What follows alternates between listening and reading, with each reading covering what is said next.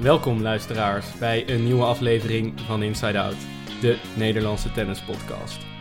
En terwijl wij in Nederland zoetjes aan wat vaker op het gravel te vinden zijn, gaat in Parijs volgende week het tweede Grand Slam gewoon van start. Bij mij zijn vandaag aangeschoven om te praten over de favorieten, de Dark Horses en de Nederlanders. Mijn vaste dubbelpartner Jort en sportjournalist Marijn Albehuis. Welkom vandaag, heren. Hallo. Dankjewel. Mooi dat jullie zijn aangeschoven om eh, ja, eigenlijk te praten over het, wat mij betreft, grootste tennisfeest van het jaar. Ja, dat is het, hè. Ook in eh, deze tijd? Uh, in coronatijd bedoel je? Ja. Ja, goed, het leukste is om erbij te zijn. We zijn er in, in deze samenstelling met, met nog een ander, iets minder belangrijk persoon regelmatig uh, aanwezig geweest. Want je vindt jezelf wel heel belangrijk? Uh, nou, nee, zeg meer over hem dan over mij. Ja, oké. nou goed, ga door. Nee, uh, stom grapje. Maar ja, we zijn er graag bij in Parijs. Ja, helemaal mee eens. daar kijk je ook een beetje naar uit. normaal gesproken nu ja, dient het zich wel aan en dat is mooi. maar het leeft nog niet echt, vind ik. Gaan jullie kijken, denk je? Ik rijd met een, met een camperbusje door Frankrijk heen. Dus uh, waar, het, uh, waar het op staat, zal ik blijven hangen. Ja, zeker. Ik zal het uh, hier en daar zeker aanzetten. En ja, vooral de belangrijke potjes wil ik wel zien. Ja, en ik denk dat het voor mij precies hetzelfde is. Voordat we erin duiken in de grote voorbeschouwing, misschien eerst even een kort rondje actualiteiten. Want kijk, er wordt natuurlijk gewoon op de internationale velden gewoon getennist. Meestal zonder publiek. Uh, misschien bij jou beginnend, uh, Marijn. Wat is jou de afgelopen tijd opgevallen? Uh, ah ja, Roger. Ehm, ik heb toch met gemengde gevoelens naar, naar zijn partij tegen Andougar zitten kijken in Genève. Ehm, natuurlijk altijd iets waar je naar uitkijkt. Ik ben een verknokte Roger Federer fan. Volgens mij uh, jullie ook wel enigszins. Uh, dus ja, ik zit er dan echt helemaal klaar voor. Het is eigenlijk heel gek dat je dan helemaal klaar gaat zitten voor een, voor een eerste ronde partij in, in Genève tussen Roger Federer en Andougar. Alleen, je doet het wel. En ja, wat ik zag is, is, is een man die um, niet echt bereid was zich aan te passen aan omstandigheden, aan zijn tegenstander. Eigenlijk gewoon geen wedstrijd aan het spelen was, maar puur en alleen aan het trainen. En dat enerzijds is dat natuurlijk mooi, want je wil graag dat hij nog een keertje piekt. En als hij denkt dat het op deze manier uh, kan, dan vertrouw je hem daar volledig in. En dat zou dan Wimbledon zijn. Maar anderzijds, ja, ik kan er heel slecht tegen als Federer een wedstrijd verliest. Omdat ik zo, zo graag hem wil zien domineren. Dat, uh, dat ik het ook wel een beetje moeilijk vind om, uh, om te accepteren dat hij op die manier op de baan staat. Hebben jullie ooit Federer zien domineren in de Miser op een gravelbaan? tegen ook nog eens Andogar. Ja. Oeh, dat is uh, niet een... Uh, nee, ja, weet je, het is een lekkere loting, denk nee, ik. Nee, en, en het gek is, dan weet je dat er van tevoren... Nou ja, jij trekt een, jij trekt een gekke bek, uh, Tim, omdat ja, hij zegt geen lekkere ik loting. Denk, eerste rondje Andogar, Ja, maar nou, ik had precies hetzelfde eigenlijk. Oh, eerste rondje Andogar, dan zou je zien, dan wordt hij eraf gehaald. Dan wordt in de Miezer, zo iemand die gewoon gaat staan en waarvan je weet uh, hij geeft je niks cadeau. Hij slaat gewoon 100 keer die bal terug. En ik moet, uh, moet uh, 50 winnaars slaan vandaag. Ja, en is zo'n beetje de nummer 80 van de wereld. Ja. Wie zou jij willen loten eerste ronde Genève als je Federer was? Maar een Amerikaanse hardcourt speler. Of striker. Of, die, die, die vorm speelde. Daar had hij, had hij tegen gespeeld als hij had gewonnen. Zo, heb je, je weet wie dat is, die striker? Ja, zeker. Ja, dat is 18-jarig Zwitsers ventje. Die stond daar, daar zat hij ook eerst te kijken. Terwijl hij daarna moest spelen, zat, uh, zat op de, op de tribune bij die strieker. Waarom denken jullie dat hij dan speelde eigenlijk? Want het, eigenlijk klinkt het toch aan alle kanten. Hij is daar gewoon vanwege andere belangen dan tennis terechtgekomen. Ja, misschien wel, maar hij speelt ook Roland Garros. En hij gaat Roland Garros nog niet spelen in de veronderstelling dat hij zomaar de eerste ronde uitgeschakeld kan zijn. Hij gaat het toch ik, ik, geloof niet dat hij, in, dat hij de illusie heeft dat hij het toernooi wint. Maar hij gaat er toch wel heen om minstens de tweede week te halen. Dan moet je toch een, goeie, een goed, goed graveltoernooi ook in, uh, in de voorbereiding hebben Als hij fit is uh, en hij speelt in zijn eigen land... Ja, dan is toch niks beters dan dat. Behalve dat het dan slecht weer is. Maar ja, dat, dat lijkt me toch prima om hier zijn voorbereiding te doen.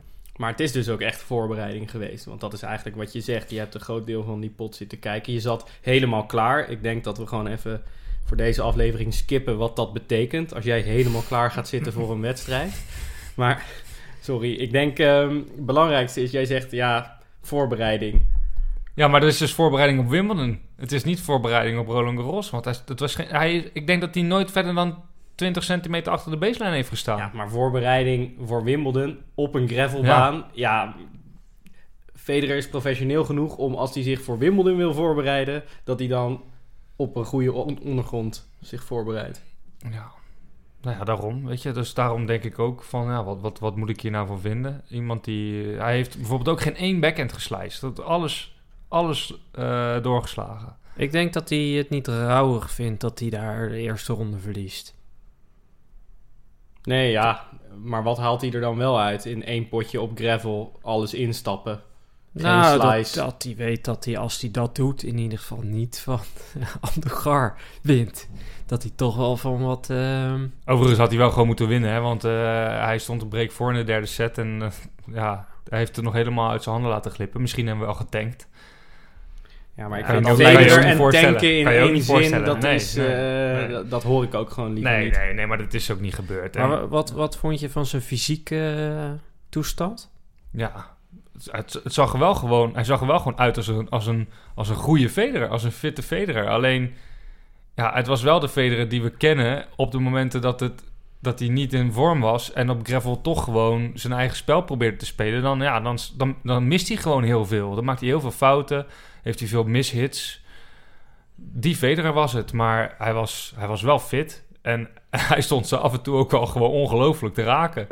Dus ja. Ongetwijfeld. Ja. Eh, da- eh, daar, ja, daar twijfel ik ook niet aan. Ja, het is, eh, het is heel... ik, ik ben gewoon heel benieuwd wat we gaan zien op, op Roland Garros straks. Ja. Ja je, hoopt, ja, je hoopt toch echt wel gewoon dat hij die tweede week haalt. Dat je gewoon in ieder geval gewoon een week lang lekker naar Federer kan kijken. En dat je het idee hebt van, nou, misschien kan het wel op Wimbledon. Het is in ieder geval voor hem te hopen dat we eens een keer klaar zijn met die noordenwind. En dat het gewoon lekker 25 graden is. Eerste week weinig wind. Dat zijn natuurlijk omstandigheden die, eh, die Federer goed doen. Ja, inderdaad.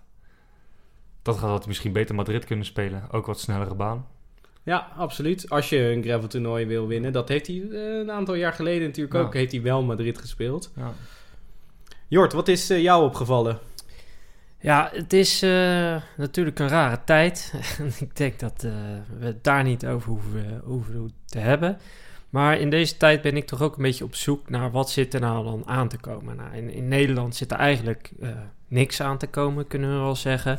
Maar er zijn ja, in, in Spanje en in Italië zie je langzaam zie je, eh, toch wel hele grote talenten doorbreken. Eh, ik denk dat eh, voor het grotere publiek is een, een Sinner en bijvoorbeeld ook Caspar Ruud. Rublev in mindere mate al, al redelijk bekend, zijn we gewend aan. Maar er zit ook een, een Spaans talent echt aan te komen. Alcaraz. Ik noem, hem vaak Alcaraz, maar het is Alcaraz. Eh, ja, die 17 jaar, die is echt al verschrikkelijk goed. Die slaat echt ongelooflijk hard. Die eh, verliest ook wel eens van matige spelers. Eh, maar won bijvoorbeeld wel laatst van Caspar Ruud, een van de betere gravelspelers op dit moment. En hij is 17, zeg jij. Ja, Kun je als 17-jarige al fysiek sterk genoeg zijn? Je zegt hij slaat hard. Is het gewoon een enorm grote kerel?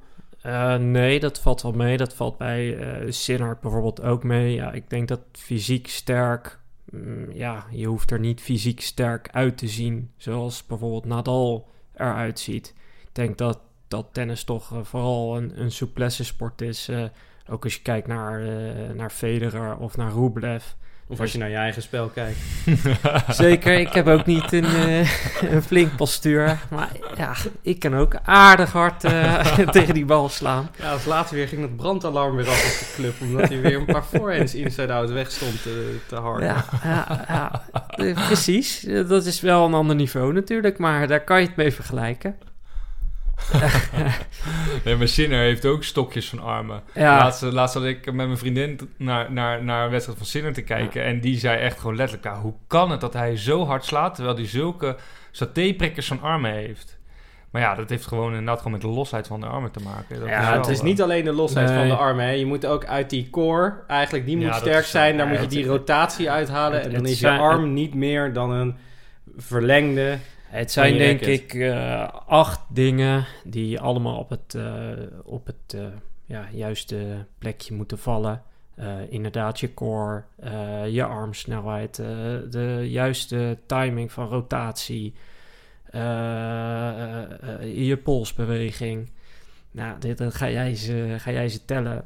Zo zijn er- Zijn, zijn er nog een aantal, aantal, aantal, aantal zaken die daarin meespelen? En als dat allemaal klopt, ja, dan kan je zo hard slaan eh, zoals eh Sinner of Rublev. Of, nou, Maar is die Alcaraz nou eigenlijk dan een typische gravel-speler? Want dat is natuurlijk het eerste wat je denkt. Een jong ventje uit Spanje, eh, die het op gravel ook meteen goed doet. hij is niet zoals Nadal speelde toen Nadal 17 jaar was. Dat was gewoon iemand die ja, alles terugsloeg. Hij kan gewoon eh, eh, iemand wegblazen. Ik denk dat hij op dit moment wel op gravel het best uit de voeten kan. Maar ja, in de toekomst... eh, Maar hoe, kan het, hoe kan het dan dat hij dan op gravel juist zo goed op de, uit de voeten kan? Want waarom speelt hij dan geen, geen dijk van een Australian Open bijvoorbeeld? ja, nou, toen was hij nog echt wel Ja, het- opkomend. hè. ja, ja, Dus dat, ik verwacht dat dat ook zeker gaat komen. Ik denk dat hij samen met, met Sinner eh, en, en ja, ja, je hebt ook Musetti, ook een, jonge, jonge speler met een enkelhandige backhand. is ook leuk dat er jonge talenten doorbreken met een enkelhandige backhand, waarvan het toch eh, veel mensen eh, een tijd terug al hebben voorspeld dat die, die op een gegeven moment weg zou gaan. Nou, dat ja, lijkt er toch niet op. Ja, het is wel leuk om dat soort gasten in de gaten te houden en te zien spelen. Zeker ook omdat het eh, ja, niet zo constant is. Dus eh, de ene week halen ze geweldige resultaten en de andere week eh, is het helemaal niks. Mooi. ja, ja, heel benieuwd naar die jongens. Sinner zit ik wel echt te genieten trouwens. Dat is, daar, daar geniet ik echt ongelooflijk van. Wat is dat een fantastische speler. Hij, wat hij ook trouwens ook heeft, en dat is waarschijnlijk nog jeugdigheid, hij past zich ook niet aan. Dus ik heb hem nu een paar keer tegen Nadal zien spelen. Vorig jaar op Roland Garros was een hele interessante pot. En nu laatst in Rome, geloof ik. Ja, Rome speelt hij tegen Nadal. Past zich niet aan. Die doet ook maar gewoon zijn eigen ding. En dan ben je natuurlijk kansloos tegen Nadal, maar het is ook wel weer leuk. Ja. ja, we zullen er straks nog wel even op komen op eh, Nadal en zijn vorm. Misschien even tussendoor voor de luisteraars. Wij zeggen eigenlijk allemaal Roland Garros. Is dat een beetje een Nederlands eh, manier om het te zeggen? Het voelt ook zo raar om, eh, om het onwijs op zijn Frans te zeggen, toch? Zo zeg je het ook op zijn Frans. Ja, op zijn Frans is het ook Roland Garros. Oh, perfect. Joh, oké. dus het is gewoon het- eigenlijk heel boers als je Roland Garros zegt. Ja, Dat slaat nergens op. nee, Oh, oké. Eh, dan, eh, nou, dan hoeven we het ook de luisteraars Je niet weet wie. Roland Garros was, hè? Nee, geen idee. Dat is een, eh, volgens mij was het een piloot uit de oorlog. Maar die wel een of andere heldendaad heeft gedaan. Goed om te weten. Niks, heeft niks met tennis te maken. Nog andere feitjes? Mooi feitje. Ja, ik vind het heel mooi. Ja. hey, wat is jou eh, opgevallen, Tim? Ja, ik eh, heb een moment genomen, dat zullen misschien meerdere ook wel voorbij hebben zien komen. Dat er in een, eh, in een grote WTA-finale eh, komt er een, eh, nou krijgen we eh Swiatek, hè, die we allemaal nog wel kennen van een eh, vrij onstuimige opkomst ook. En, eh, en een, ja, eigenlijk een hele degelijke top 5 speelster, Pliskova. Eh, komen elkaar tegen in de finale van Rome. Rome zeg ik goed, toch? ja. En dat wordt 6-0, 6-0. ja, en een, een, een, een, double bagel of een brilstand of de fiets naar huis, hoe je het wil noemen. In, in zo'n grote finale, dat verbaast mij. Dat vind ik opvallend. ja, dat- is ook wel echt opvallend. Ja, je, eh, sowieso, een, een 6-0, 6-0 uitslag is uitzonderlijk. Maar in het vrouwentennis niet. Ja, je, je ziet het niet vaak, je ziet het af en toe. Maar dan is het vaak een eerste ronde als Ja. iemand echt geen feeling heeft. Of problemen met jetlag, reizen, nieuwe baan, nieuwe omgeving of een qualifier, ehm, wildcard, kan ik me allemaal voorstellen. Ja, maar kijk, in een finale, Ja, het- is, het is heel bizar. Uh, maar wat bij vrouwentennis natuurlijk wel zo is, die service is veel minder dominant. En bijvoorbeeld een, een, een, een Swiatek zelf, die moet het ook niet van die service hebben, maar van die rally. En ja, dat zullen, eh, die, ik heb die wedstrijd niet gezien, maar dat zullen allemaal rallies geweest zijn waar net het kwartje eh, de kant van Swiatek opviel. Ja, Ja, en maar- dan alsnog is het heel bizar, dat klopt. Eh, maar eh, het is minder raar dan dat je eh, een herenfinale 0-0 ziet worden. nee dat is zo. Dus Ja. het kan precies de verkeerde kant opvallen. Overigens natuurlijk wel credits aan Swiatek. Die 19 heeft jaar wel... pas ook nog, hè? Als En- we het over jonkies hebben. Absoluut. Ja. En wel gewoon... Natuurlijk heeft Pliskova veel fouten gemaakt, dat kan niet anders. Maar ze heeft ook echt veel winners geslagen. Op gravel. En dat telt toch wel. Hè? Als je in een finale vier keer zoveel winners als onnodige fouten slaat. En we gaan niet uitgebreid scorebordjournalistiek doen. Maar het geeft wel aan dat het... Het was ook gewoon een goede wedstrijd natuurlijk. Dat is met uh, Swiatek en dat is ook met uh, Barty zo, dat zij niet de typische vrouwentennis spelen. Eigenlijk al die dames die daaronder uh, vallen, uh, enkele uitzonderingen daar gelaten, die, die zijn gewoon vanuit de baseline hard naar elkaar aan het toeslaan. Dat, dat ja, maakt niet uit wie tegen wie je ziet. Dat gebeurt, dat gebeurt gewoon constant. Maar zij hebben dat minder. Weet je, Swiatek speelt gewoon veel zwaarder dan de meeste vrouwen. Uh, Barty uh, loopt, de, loopt de klooien met slicejes. En nou, je ziet nu dat dat eindelijk wel uh, wordt beloond ten opzichte van nou, het, het standaard vrouwentennis, wat bijvoorbeeld een, iemand als Sabalenka extreem goed kan. Weet je, als je dat ook heel goed kan, ja, dan, dan win je natuurlijk ook van iedereen. Maar ik vind dit wel leuk om te zien, dat je eindelijk eens een keer een verandering krijgt in nou, het traditionele vrouwentennis. Ja, dat is heel leuk om te zien. En daar is het vrouwentennis ook wel aan toe, want ik kan het ook eigenlijk niet zo gek veel meer, niet echt meer volgen eigenlijk. Uh, het, het zijn inderdaad allemaal ongeveer dezelfde types die ongeveer hetzelfde doen. En die wisselen allemaal stuivertje met elkaar. En af en toe is er eentje die er dan, uh, die er dan een tijdje dan bovenuit steekt. En die kan je dan invullen. Um, in dit geval lijkt dat dan Sabalenka te zijn, die, die, die heel veel wint aan Barty. Maar Barty speelt dan inderdaad al een ander spel. Maar dat maakt het wel wat leuker. Want anders maakt het ook allemaal niet zo gek veel uit, inderdaad. Dat is ook zo. Dus lang leven uh, Iga Swiatek. Ja, we gaan eens uh, zien of ze het uh, ook op weer wat langere termijn kan laten zien. Um, ik denk dat dat ook wel een aardig bruggetje is naar ja, een van de mooiste toernooien ter wereld. Misschien wel het mooiste toernooi. Uh, de voorbeschouwing op Roland Garros. Uh, waar willen jullie beginnen? Nou, uh, misschien eerst eens met teleurstelling uiten over de huidige vorm en houding van een van mijn favorieten van dit moment, Dominique Thiem. Die had ik eigenlijk aan het einde van vorig tennisjaar, zou je het bijna blind opschrijven als halve finalist op Roland Garros omdat hij zo consistent was, omdat hij die, uh, die Grand Slam gewonnen heeft. Ja, die gaat gewoon geen rol van betekenis spelen. En dat heeft enerzijds te maken met het feit dat hij ze gewoon eventjes niet raakt. Maar dat komt vooral omdat hij er gewoon geen zin in had.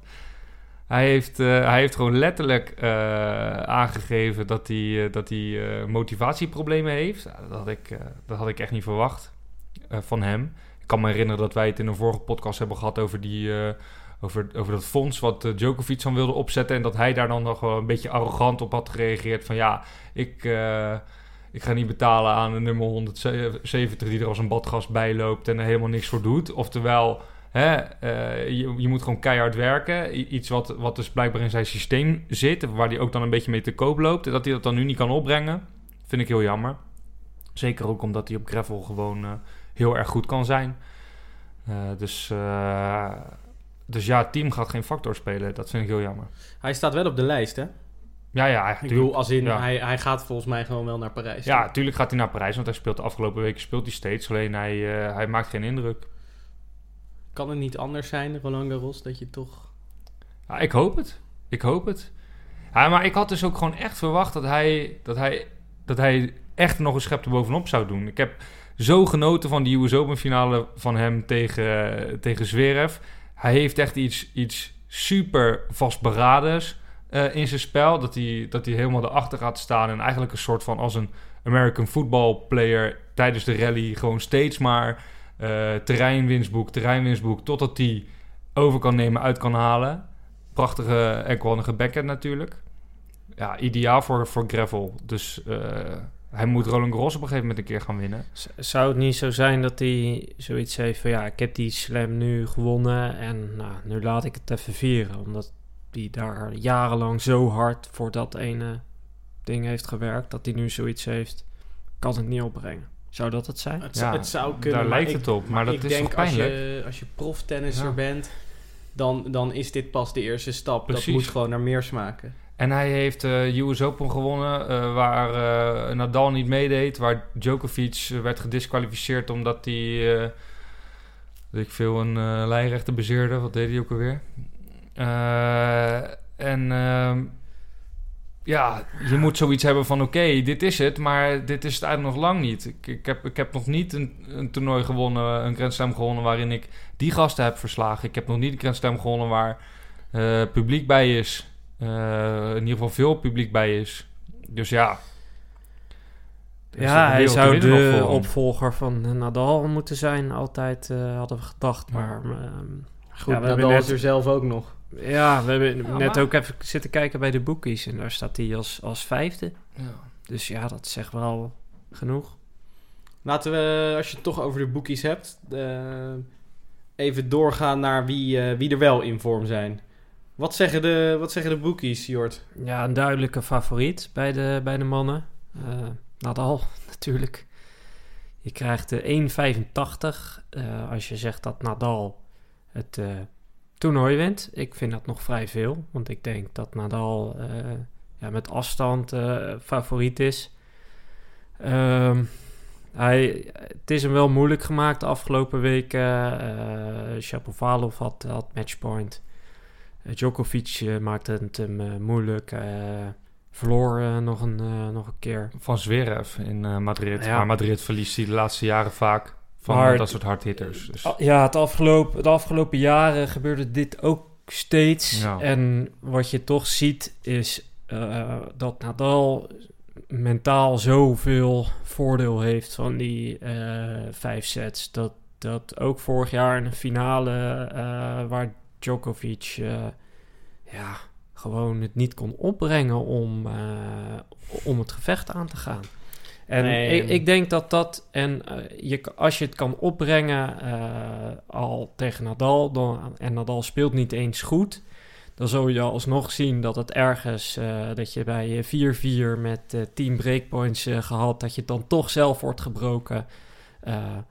Ja, en dan, dan zakt de moed logischerwijs in, in je schoenen. Dus ik denk dat, uh, ja, dat Nadal uh, Roland Garros makkelijk gaat winnen. En dat uh, ja, hij terecht favoriet is. Maar wat interessant is, is we hebben natuurlijk ook in eerdere voorbeschouwingen, in eerdere jaren ook wel eens gezegd, nu is het klaar. Weet je, ja. dit was het laatste jaar, we hebben Nadal geanalyseerd en dit jaar is het klaar. En eigenlijk zeggen we volgens mij alle drie dit jaar, het is Nadal.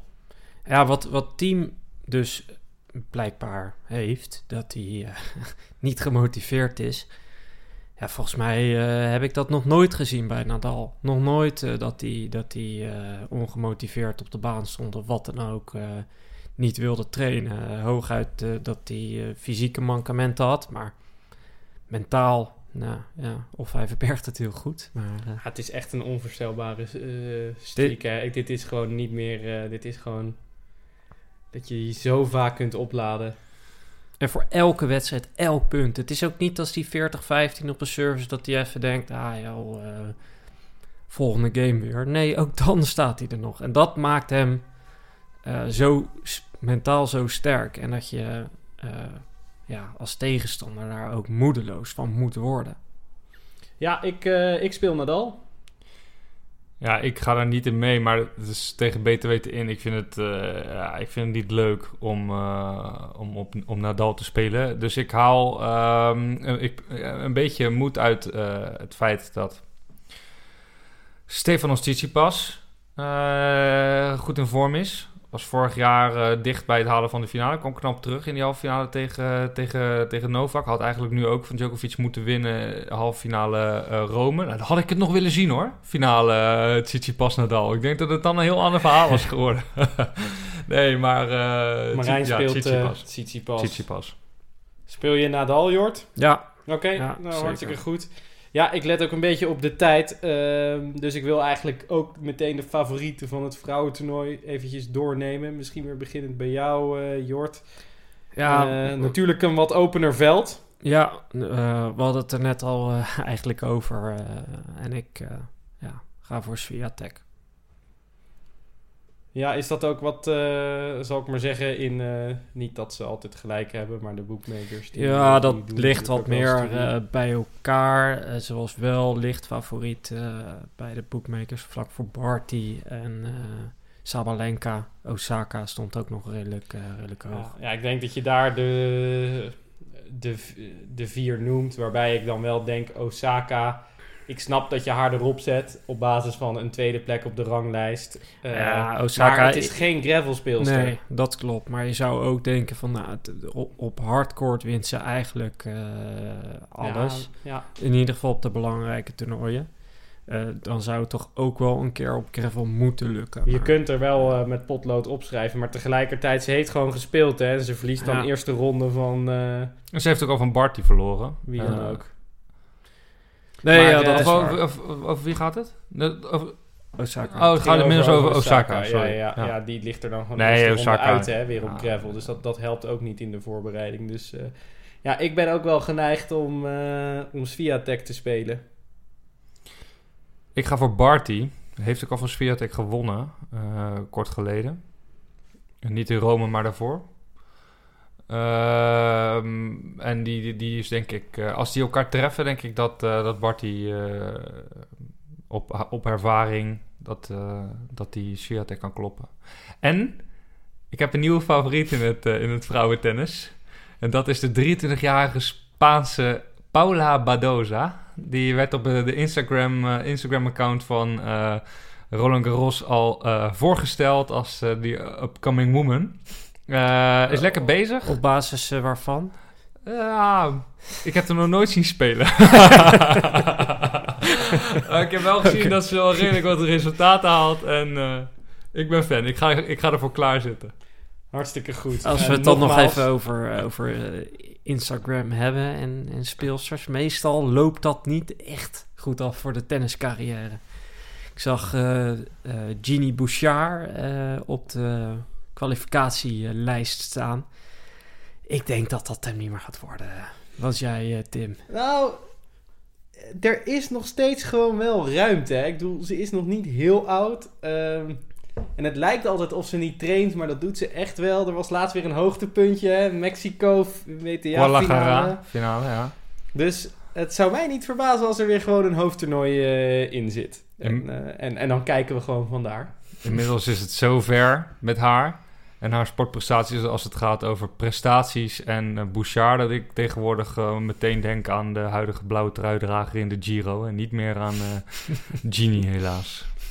Dat mag. Dat is, dat is geaccepteerd.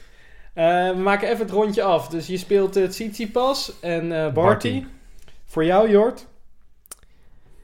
Nadal en Swiatek. Oké, okay, nou dan speel ik uh, Nadal en, uh, en Sabalenka.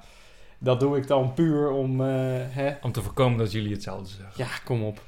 Um, doen we ook een rondje Dark Horses? Ja, zeker. Maar voordat we dat doen, moedig ik ook zeker onze luisteraars weer aan.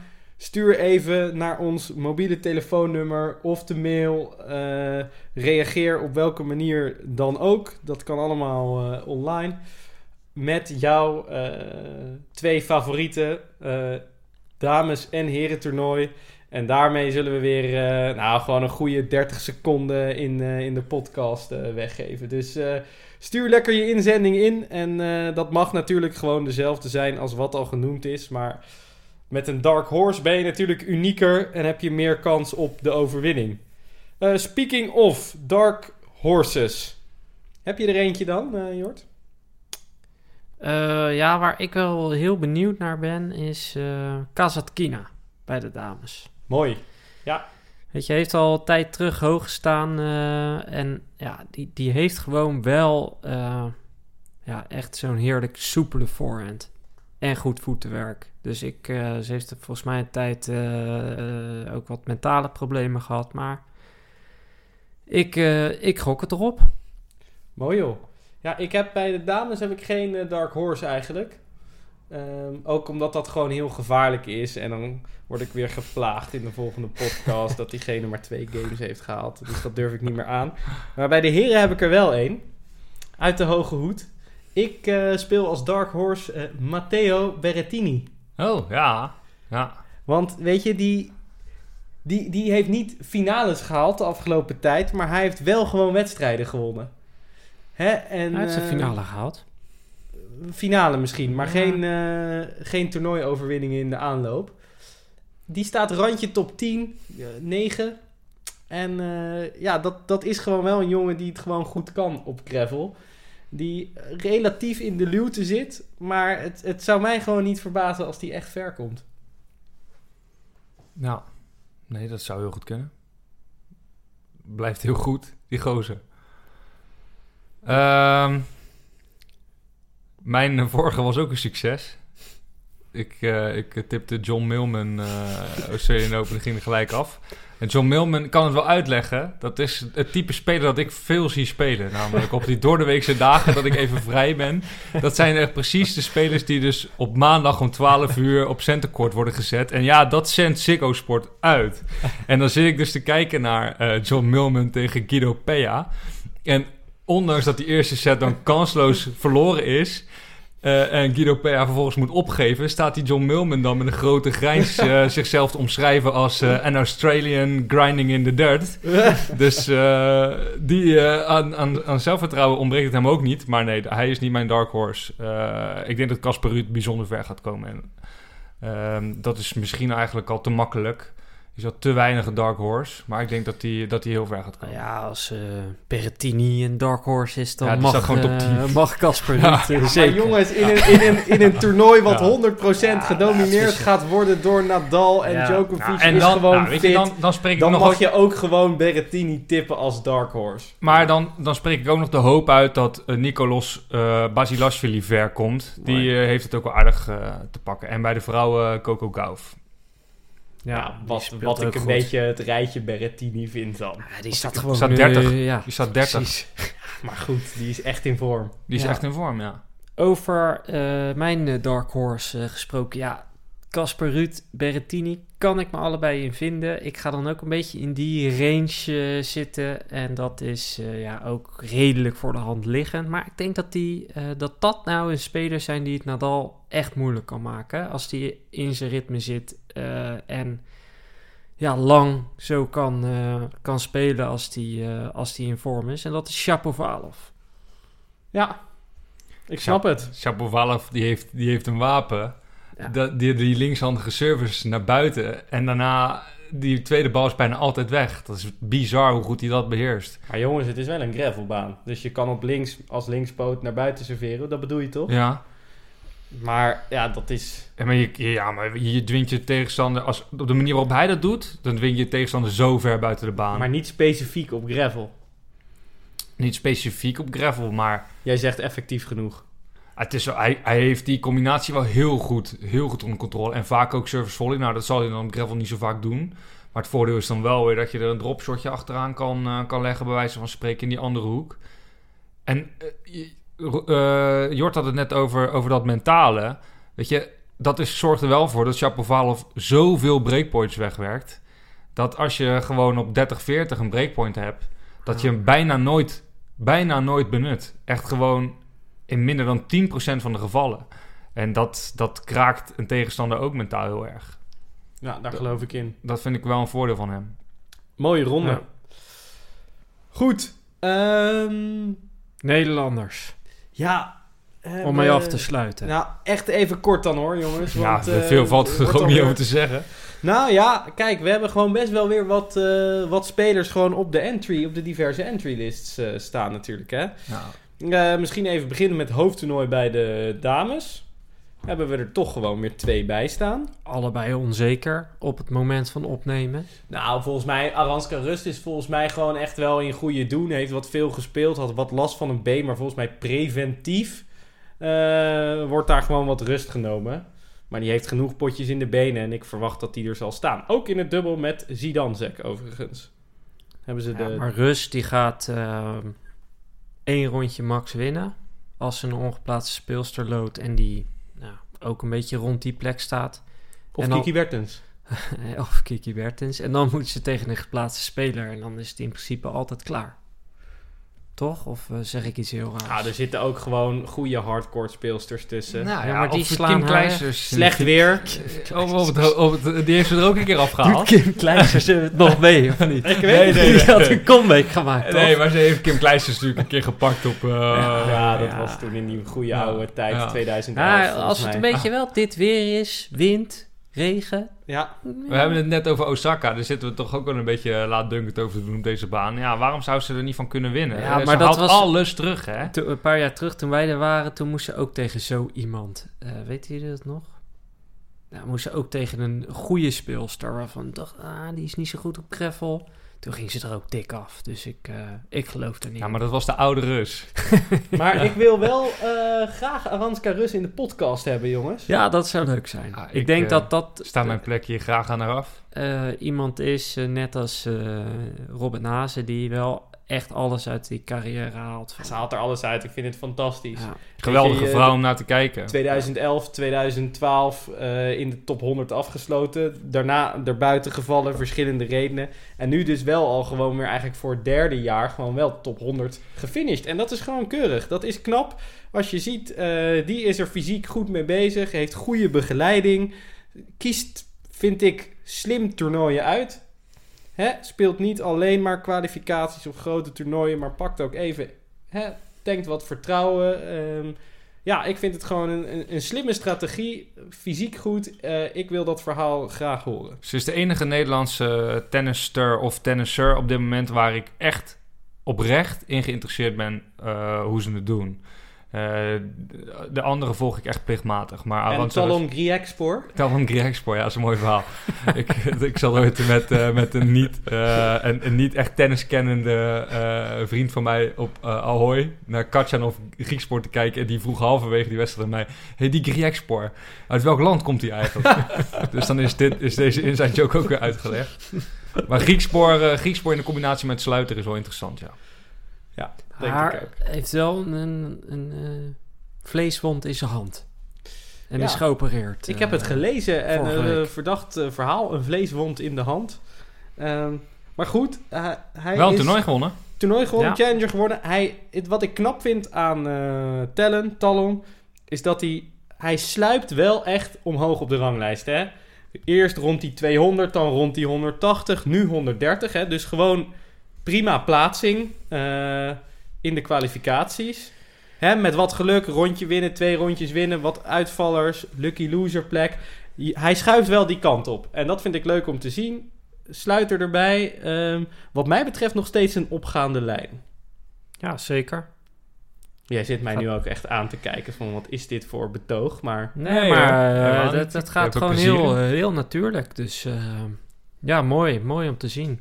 Hopelijk blijft hij fit. En, eh, en blijft hij gewoon dit laten zien. Want je, je ziet toch niet meer zo vaak dat je ook in het mondiale toptennis in 1, 2 jaar even eh, die, die, die top bereikt. Karatsev stond eh, vorig jaar ook nog gewoon op deze plek. Hè? Ja, kijk, uitzonderingen daar gelaten. Weet je, de, ja, maar Voor goed. je het weet staat hij eh, ATP-toernooien te winnen.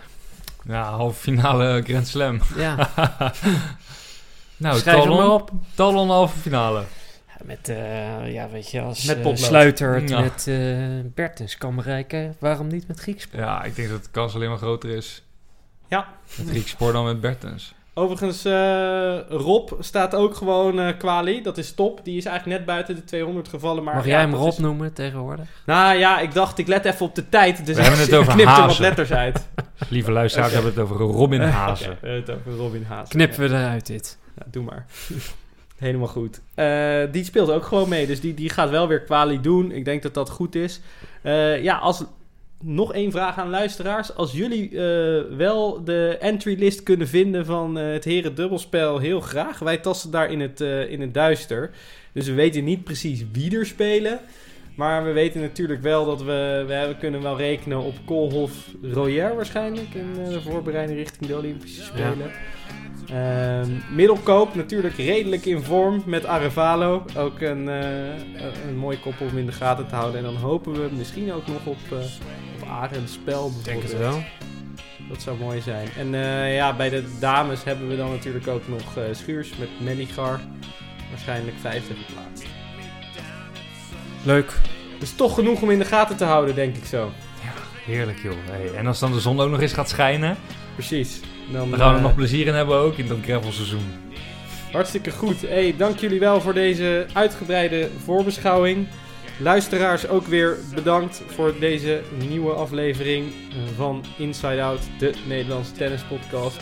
Hebben jullie nou vragen, reacties of mensen buiten Aranska Rust die je graag in de podcast wil horen? Laat het even weten, want dan gaan we dat eh, regelen. Nu ook de coronamaatregelen eh zich af lijken te bouwen en wij dus ons eh, met de podcast ook weer wat vrijer kunnen bewegen. Dus bedankt voor het luisteren en jullie gaan eh, ons in ieder geval twee keer horen tijdens Roland Garros om je helemaal bij te praten mocht je de highlights en andere verhalen gemist hebben. Dus tot de volgende keer en bedankt voor het luisteren. Hoi hoi!